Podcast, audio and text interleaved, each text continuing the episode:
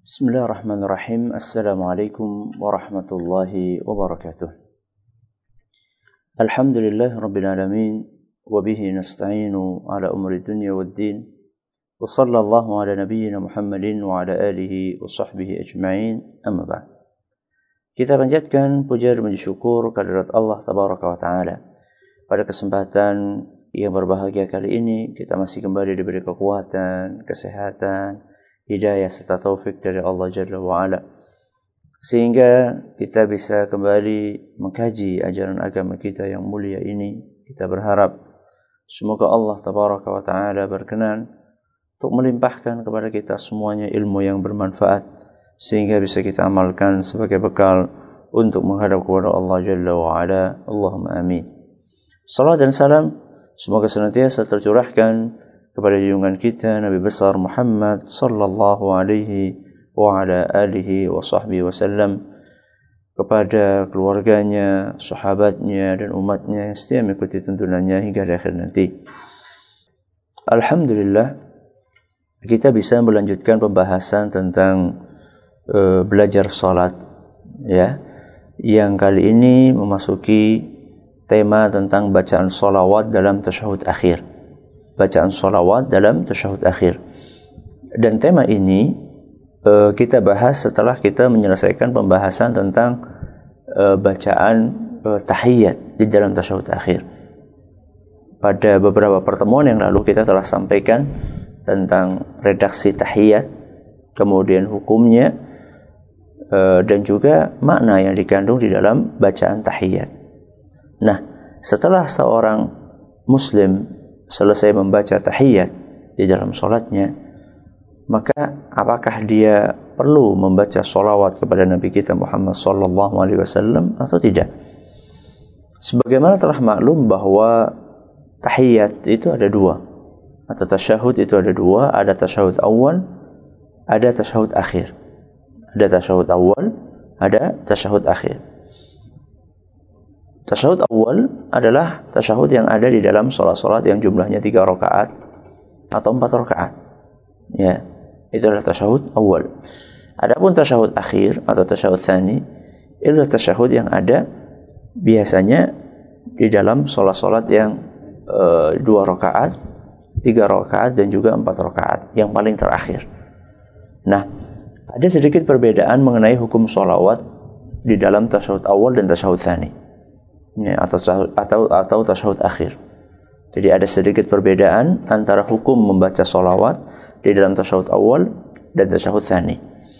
Adapun dalam tasyahud awal uh, ada sebagian ulama mengatakan tidak perlu membaca solawat. Ya, tidak perlu membaca solawat dan dalam kitab uh, Al-Musu' Al-Fiqhiyah Al-Kuwaitiyah disebutkan bahwasanya inilah pendapatnya uh, jumhur ahli fikih mayoritas ahli fikih mereka berpendapat cukup membaca tasyahud saja tidak ditambahkan solawat ini di dalam uh, tasyahud awal. Adapun uh, pendapat yang lainnya dalam tasyahud awal ini mengenai hukum solawat menurut ulama syafi'iyah maka disunnahkan ya untuk membaca tahiyat eh, membaca uh, solawat di dalam tasyahud awal jadi ada sebagai ulama mengatakan tidak perlu, ada sebagai ulama mengatakan perlu. Ini di dalam tasawuf awal mengenai hukum sholawat. Nah kalau dalam tasawuf tani, apakah juga terjadi perbedaan pendapat di antara para ulama mengenai perlu dibaca atau tidaknya? Kalau dalam tasawuf tani, maka para ulama sepakat bahwa tahiyat atau sholawat itu perlu dibaca. Ya, perlu dibaca di dalam tasyahud thani. Ya perlu dibaca dalam tasyahud thani setelah dia membaca tahiyat. Dan ini tidak ada perbedaan pendapat di antara para ulama mengenai disyariatkannya. Perhatikan baik-baik perlu digarisbawahi disyariatkan. Ya karena nanti ketika kita katakan disyariatkan bisa jadi menurut sebagian ulama wajib bisa jadi menurut sebagian ulama sunnah dan seterusnya. Jadi sekarang kita membahas terlebih dahulu bahwa uh, di dalam tasawuf tsani yang namanya salawat itu tidak ada perbedaan pendapat dari para ulama bahwa mereka mengatakan iya dibaca. Ya. Semuanya mengatakan dibaca. Cuman apa hukumnya apakah wajib atau hukumnya sunnah ini nanti pembahasan yang lain. Ya. Jadi kalau di dalam tasawuf awal ada sebagian ulama mengatakan tidak usah dibaca, sebagian ulama mengatakan dibaca. Nah, di tasawuf sani ini semua ulama sepakat ya dibaca. Ya. Solawat di sani dibaca. Ya. Hanya saja kemudian mereka berbeda pendapat ya dibaca, cuman apakah harus atau tidak, wajib atau tidak? Ada uh, sekurang-kurangnya ada dua pendapat. Pendapat yang pertama mengatakan sunnah. Pendapat yang kedua mengatakan wajib. Pendapat yang pertama mengatakan sunnah, pendapat yang kedua mengatakan wajib. Dan pendapat yang mengatakan sunnah ini adalah merupakan pendapat uh, mayoritas ulama. Ya, pendapat mayoritas ulama seperti madhab Hanafi, Maliki, dan ada riwayat dari Imam Ahmad juga madhabnya Dawud al-Zahiri. Dan ini juga pendapat yang dipilih oleh Syekh Ibn Uthaymin rahimallahu al-jami' ya rahimallahu al-jami' apa dalil mereka dalil mereka adalah uh, hadis al-musi'u salatuhu. Hadis yang menjelaskan tentang teguran Nabi SAW kepada seorang Arab Badui yang sholatnya nggak benar. Yang sholatnya nggak benar. Jadi setelah Nabi SAW menegur orang Arab Badui tersebut bahwa sholat kamu harus diulang sampai tiga kali akhirnya orang Arab Badui itu menyerah dan dia merasa uh, tidak bisa sholat lebih baik daripada apa yang biasa dia kerjakan tersebut. Kemudian Nabi SAW mengajarkan ya mengajarkan step by step ya langkah per langkah cara sholat dan para ulama mengatakan apa yang disebut oleh Nabi SAW saat itu adalah sesuatu yang rukun-rukun yang wajib-wajib Nah, di antara apa yang disebutkan oleh Nabi SAW tidak ada disebutkan di situ ya tentang masalah sholawat tentang masalah sholawat. Ya. E, sehingga kata para ulama tersebut bahwa sholawat itu tidak di e, tidak diwajibkan. Makanya tidak disebutkan oleh Nabi SAW ketika mengajari orang Arab Badui tersebut. Ya. Adapun kenapa kok disunahkan? Karena disebutkan dalam hadis yang lain, ya, yaitu hadisnya uh, Al-Qamah anna Abdullah ibn Mas'ud akhadha biyadihi dari seorang sahabat namanya Abdullah ibn Mas'ud. Wa anna Rasulullah SAW akhadha biyadi Abdullah fa'allamahu tashahud fi salah. Bahwasanya Nabi SAW pernah menggamit tangannya Ibnu Mas'ud. Kemudian beliau mengajari Ibnu Mas'ud salawat, eh, mengajari Ibnu Mas'ud tasyahud di dalam salat. Bagaimana? Qul ya ucapkanlah wa Ibnu Mas'ud at-tahiyatu lillah was salawatu wat tayyibat assalamu alayka ayuhan nabiy wa rahmatullahi wa barakatuh assalamu alayna wa ala ibadillahi salihin qala Zuhair hafiztu anhu insyaallah asyhadu an la ilaha illallah wa asyhadu anna muhammadan abduhu wa rasuluh qala setelah membaca tasyahud fa idza qadaita hadza ya fa idza qadaita hadza ay ay fa idza au qala fa idza fa'alta hadza faqad qadaita salataka ya kalau kamu sudah selesai ini maka engkau sudah menyelesaikan salatmu.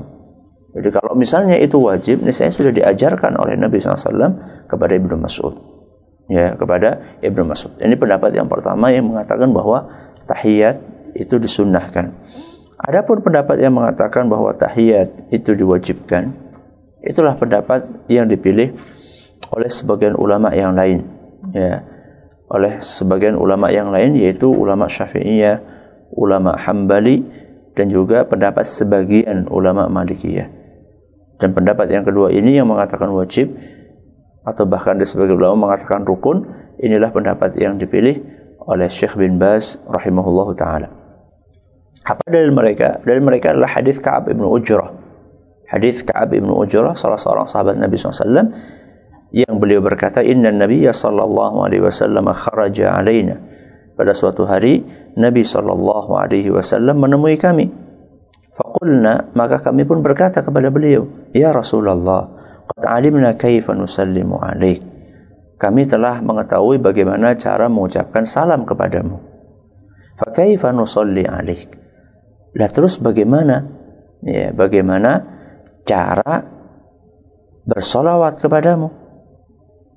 Maka beliau menjawab, Kulu, ucapkanlah, Allahumma salli ala Muhammad wa ala ali Muhammad, kama salli ala Ibrahim, innaka hamidun majid, Allahumma barik ala Muhammad wa ala ali Muhammad kama barakta ala Ibrahim innaka Hamidum Majid. Jadi di sini ada uh, Nabi kita Muhammad sallallahu alaihi wasallam mengajarkan ya. Di sini Nabi kita Muhammad sallallahu alaihi wasallam mengajarkan kepada uh, para sahabat tentang masalah salawat. Dan di dalam sebuah riwayat disebutkan kaifa nusalli 'alaika idza nahnu sallaina fi salatina. Ya, wahai Rasul, bagaimanakah cara kami bersolawat kepadamu ketika kami sholat?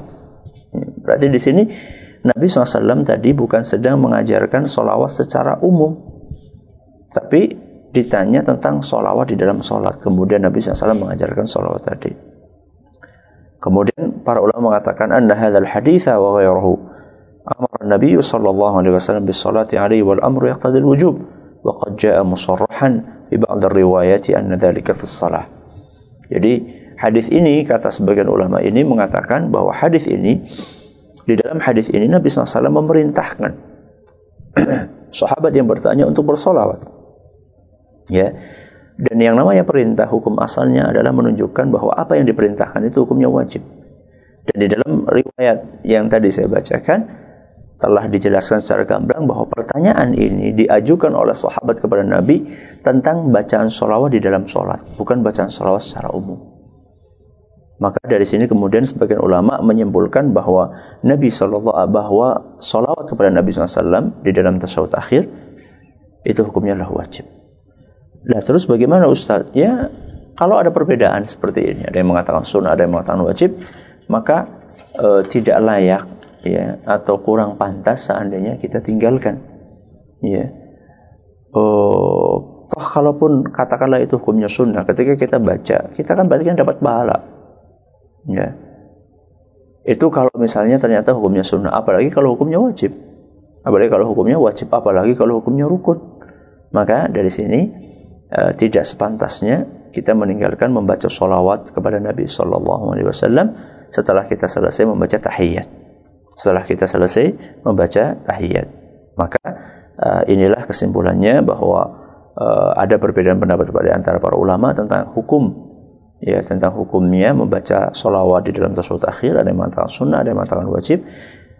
Masing-masing uh, punya argumen akan tetapi wallahu alam nampaknya uh, argumen pendapat yang kedua yang mengatakan wajib itu cukup kuat, maka uh, hendaklah uh, bahkan sangat ditekankan untuk membaca solawat setelah kita selesai membaca tahiyat.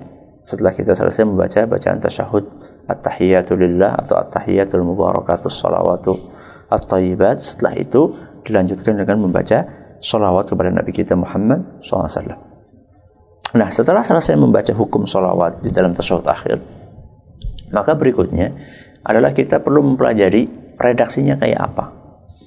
Jadi redaksi membaca sholawat kepada Nabi kita Muhammad SAW dalam tasawuf akhir itu seperti apa? Uh, ternyata ketika kita baca hadis-hadis Nabi SAW, kita akan temukan ada beberapa redaksi. Ya, ada beberapa redaksi yang diajarkan oleh Rasulullah SAW. Uh, eh, di hadapan kami ada sekurang-kurangnya lima redaksi. Ya, ada sekurang-kurangnya lima redaksi bacaan solawat kepada Nabi kita Muhammad Sallallahu Alaihi Wasallam di dalam tasawuf akhir. Dan bacaan solawat ini bisa dibaca bukan hanya dalam tasawuf saja, di luar sholat juga boleh. Ya, ketika kita sedang santai juga boleh, Intinya e, bacaan ini, bacaan solawat ini bisa dibaca kapan saja. Bisa dibaca kapan saja. e, dan e, saya harapkan kepada saya pribadi dan juga jamaah sekalian, para pendengar, para pemirsa, untuk memperhatikan redaksi ini.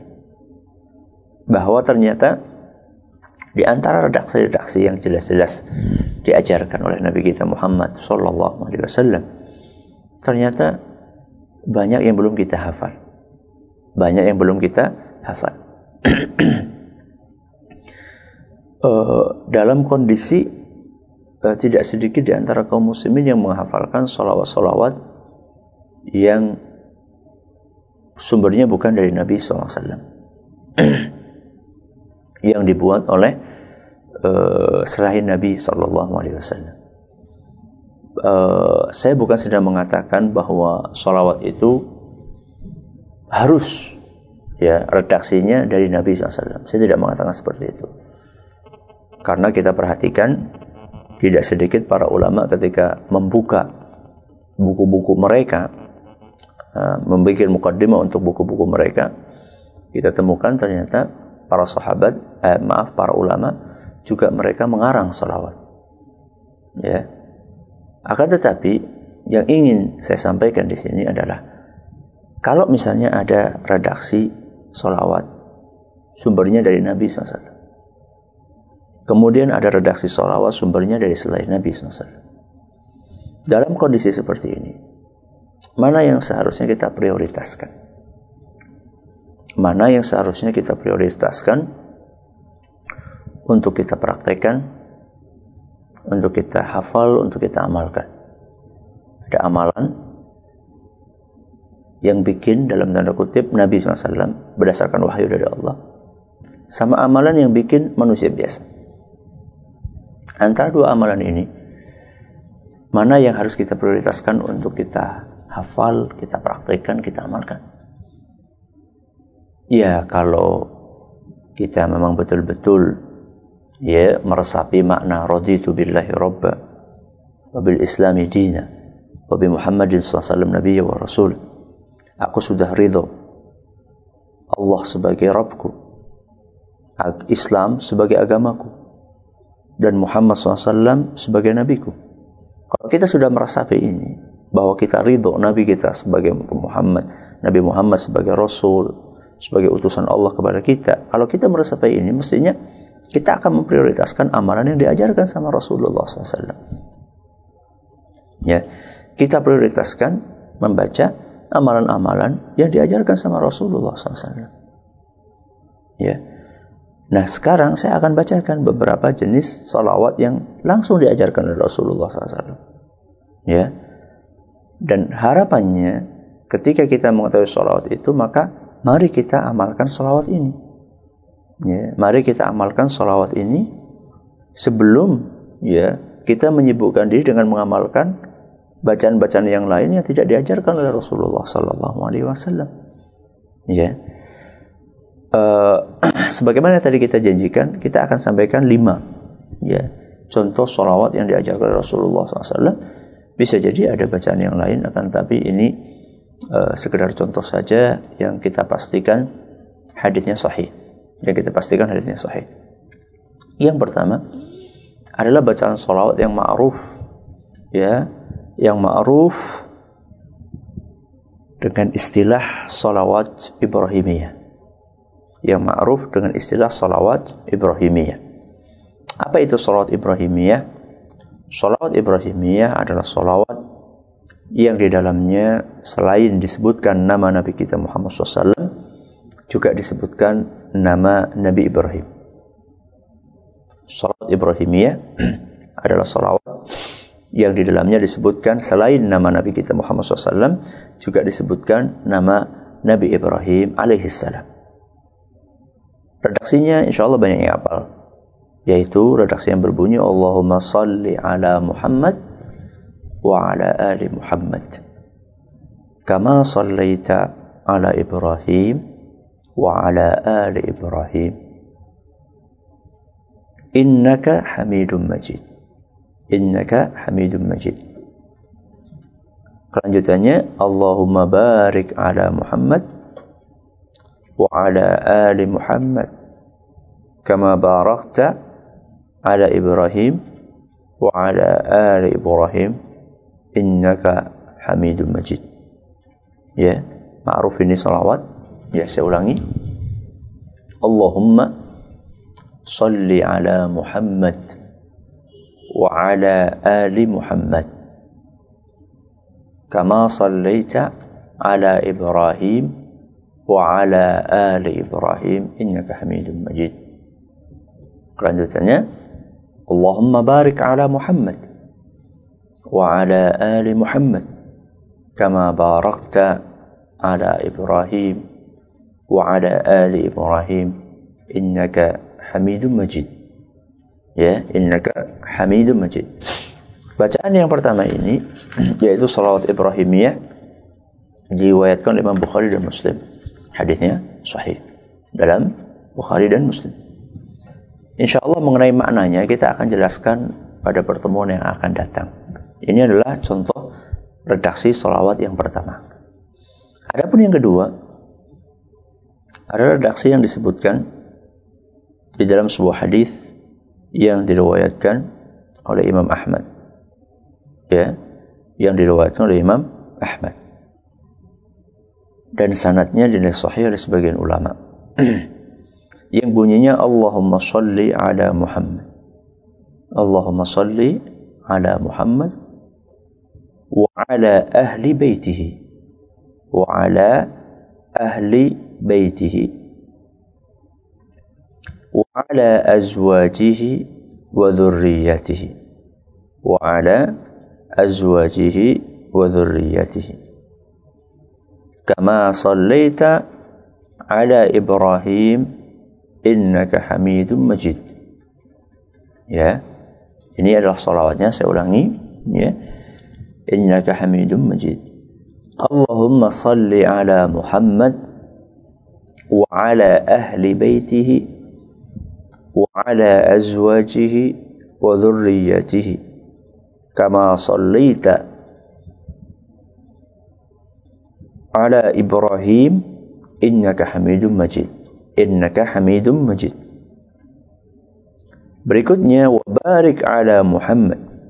Wabarik ala Muhammad wa ala ali baitihi wa ala ali baitihi wa ala azwajihi wa dhurriyyatihi على أزواجه وذريته كما باركت على آل إبراهيم إنك حميد مجيد. إنك حميد مجيد. Ya saya ulangi Allahumma salli ala Muhammad wa ala ali bait wa ala ahli baitihi wa ala azwajihi wa dhurriyyatihi كما صليت على آل إبراهيم إنك حميد مجيد وبارك على محمد وعلى آل مح وعلى آل بيته وعلى أزواجه وذريته كما باركت على آل إبراهيم إنك حميد مجيد ini disebutkan dalam hadis riwayat Ahmad dan sanadnya dari sahih oleh sebagian ulama. Adapun redaksi yang ketiga, adapun redaksi yang ketiga adalah redaksi yang diriwayatkan oleh Imam Muslim. Oleh Imam Muslim. Yang bunyinya Allahumma salli ala Muhammad اللهم صل على محمد النبي الأمي. النبي الأمي. اللهم صل على محمد النبي الأمي. وعلى آل محمد. وعلى آل محمد. كما صليت على آل إبراهيم. كما صليت على آل إبراهيم. وبارك على محمد. وبارك على محمد. النبي الأمي النبي الأمي. وعلى آل محمد كما باركت على آل إبراهيم في في العالمين إنك حميد مجيد. في العالمين إنك حميد مجيد. حديث رواية مسلم. سأقول اللهم صل على محمد النبي الأمي وعلى آل محمد كما صليت على آل إبراهيم. وبارك على محمد النبي الأمي وعلى آل محمد كما باركت على آل إبراهيم في العالمين. إنك حميد مجيد. الرقصية الثالثة الرقصية الرابعة dan ini disebutkan dalam hadis Bukhari dan Muslim. Yang berbunyi Allahumma salli ala Muhammad. Allahumma salli ala وعلى أزواجه وذريته. وعلى أزواجه وذريته. كما صليت على آل إبراهيم. كما صليت على آل إبراهيم. وبارك على محمد. وعلى أزواجه وذريته. وبارك على محمد. وعلى أزواجه وذريته. كما باركت على آل إبراهيم innaka hamidum majid innaka hamidum majid ini redaksi yang keempat Yang kelima, ya, yang diajarkan Rasulullah SAW dan ini hadis riwayat Nasai, hadis riwayat Nasai dan juga Imam Tahawi yang berbunyi Allahumma salli ala Muhammad wa ala ali Muhammad wa barik ala Muhammad wa ala ali Muhammad. Saya ulangi, Allahumma salli ala Muhammad wa ala ali Muhammad barik ala Muhammad wa ala ali Muhammad. Kama sallaita wa barakta ala Ibrahim wa ali Ibrahim innaka Hamidum Majid innaka hamidum majid. Ini adalah bacaan beberapa bacaan solawat ada lima redaksi yang insya Allah uh, tegas atau jelas diriwayatkan dari Nabi SAW dalam hadis-hadis yang sahih insya Allah. Ini yang dapat kami sampaikan pada kesempatan kali ini. Insya Allah kita akan lanjutkan pembahasan tentang makna dari bacaan-bacaan tahiyat atau bacaan-bacaan solawat yang tadi sudah kami sampaikan. Semoga Allah memberikan taufiknya kepada kita semua untuk menjalankan hal-hal yang dicintai dan diridhai oleh Allah Azza wa Jal. Wallahu a'lam Kalau ada pertanyaan silahkan.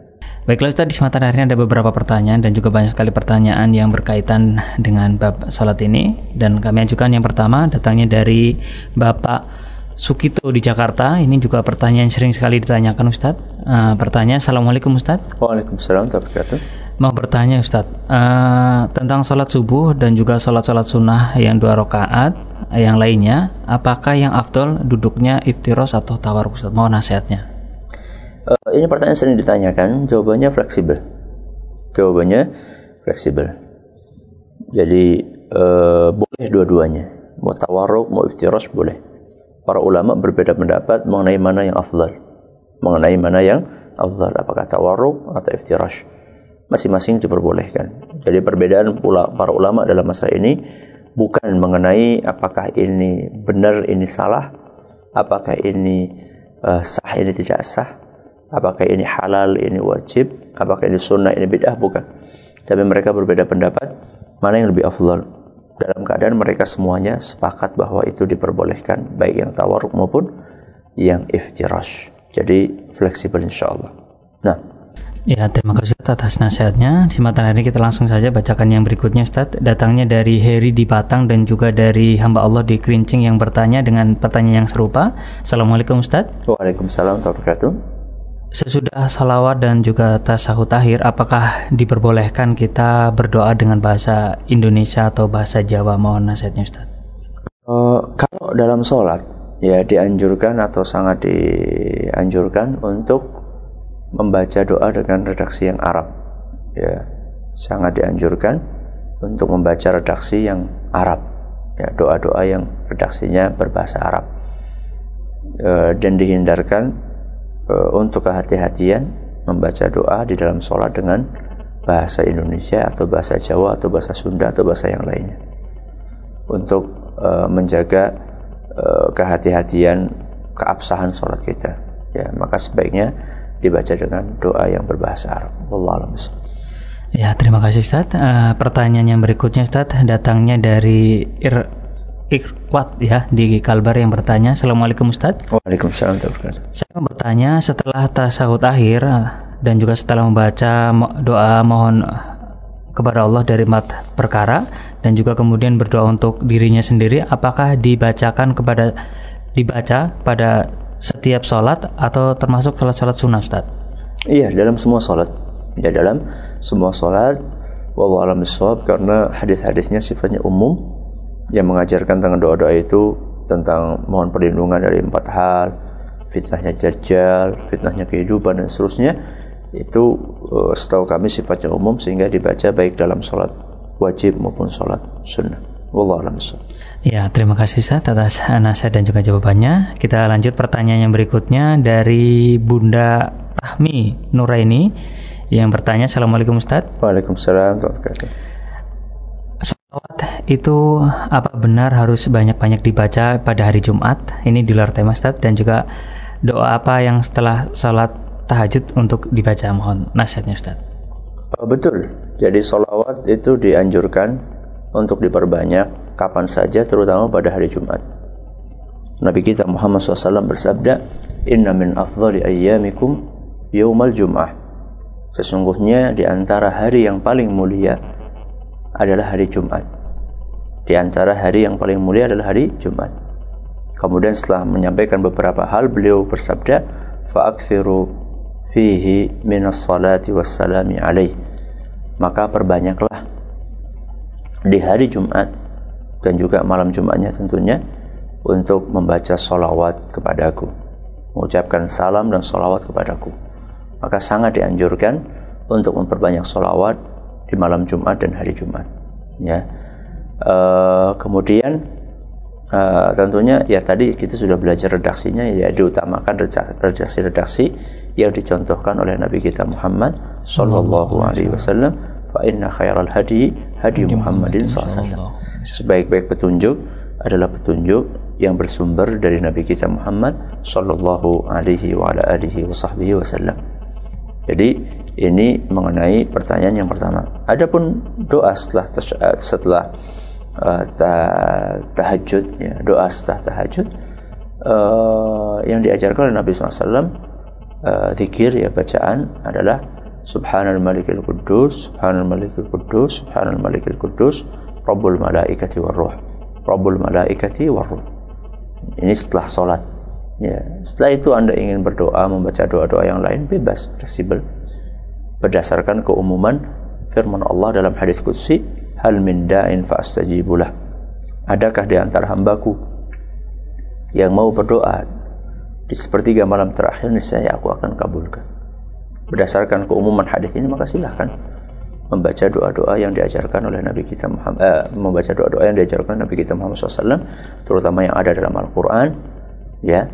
Dalam hadis Nabi SAW itu diprioritaskan kalaupun ada beberapa doa yang mungkin anda belum tahu redaksi Arabnya di luar sholat tidak apa-apa menggunakan bahasa-bahasa daerah bahasa Indonesia dan yang semisal Wallahu Ya, terima kasih Ustaz atas nasihatnya. Kita bacakan uh, dua atau tiga pertanyaan lagi Ustaz. Yang ya. berikutnya, Assalamualaikum Ustaz. Waalaikumsalam. Saya Muhammad Firdaus dari Kepulauan Riau mau bertanya Ustaz, uh, salam, uh, bagaimana uh, redaksi selawat yang mendapatkan tambahan Sayyidina Muhammad? Mohon dijelaskan Ustaz karena berkaitan dengan per, uh, pertanyaan serupa yang diajukan. Ya. Eh, menambahkan kata sayyidina dalam solawat seandainya itu di luar sholat tidak ada masalah kalau seandainya itu di luar sholat tidak ada masalah tapi kalau di dalam sholat sebaiknya tidak di dalam sholat sebaiknya tidak kami pribadi berdasarkan juga para ulama juga pada menyebutkan belum menemukan dalil yang menyebutkan tentang disunahkannya menambahkan kata sayyidina di dalam tahiyat atau di dalam solawat ketika sholat Ya, adapun di luar salat maka fleksibel karena Nabi SAW secara umum mengatakan ana sayyidu waladi Adam wala fakhr. Aku adalah sayyidnya keturunan Adam alaihissalam dan aku sampaikan ini bukan dalam rangka untuk menyombongkan diri. Jadi bacaannya boleh untuk membaca uh, sayyidina di luar salat. Kalau di dalam salat wallahu alam kami belum menemukan dalil yang mencontohkan hal itu dari praktek Nabi SAW atau dari sabda Nabi SAW yang mengajak kaum muslimin untuk menambahkan sayyidina di dalam sholatnya. Kalau di luar sholat fleksibel. Ya, dalam khutbah ketika kita lagi duduk kayak gini, misalnya lagi santai, ya kita ingin bersolat kepada Nabi SAW, tambahi sayyidina apa-apa. Allahumma salli ala sayyidina Muhammad wa ala ali sayyidina Muhammad. Itu tidak masalah. Wallahu a'lam Ya, terima kasih. Uh, pertanyaan terakhir Ustaz. Ya. Uh, ini juga pertanyaan yang sering ditanyakan.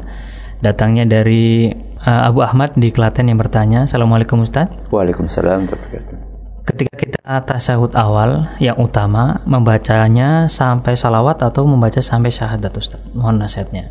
Tadi sudah kita sampaikan bahwa kalau mayoritas ulama mereka mengatakan cukup sampai tasyahud saja.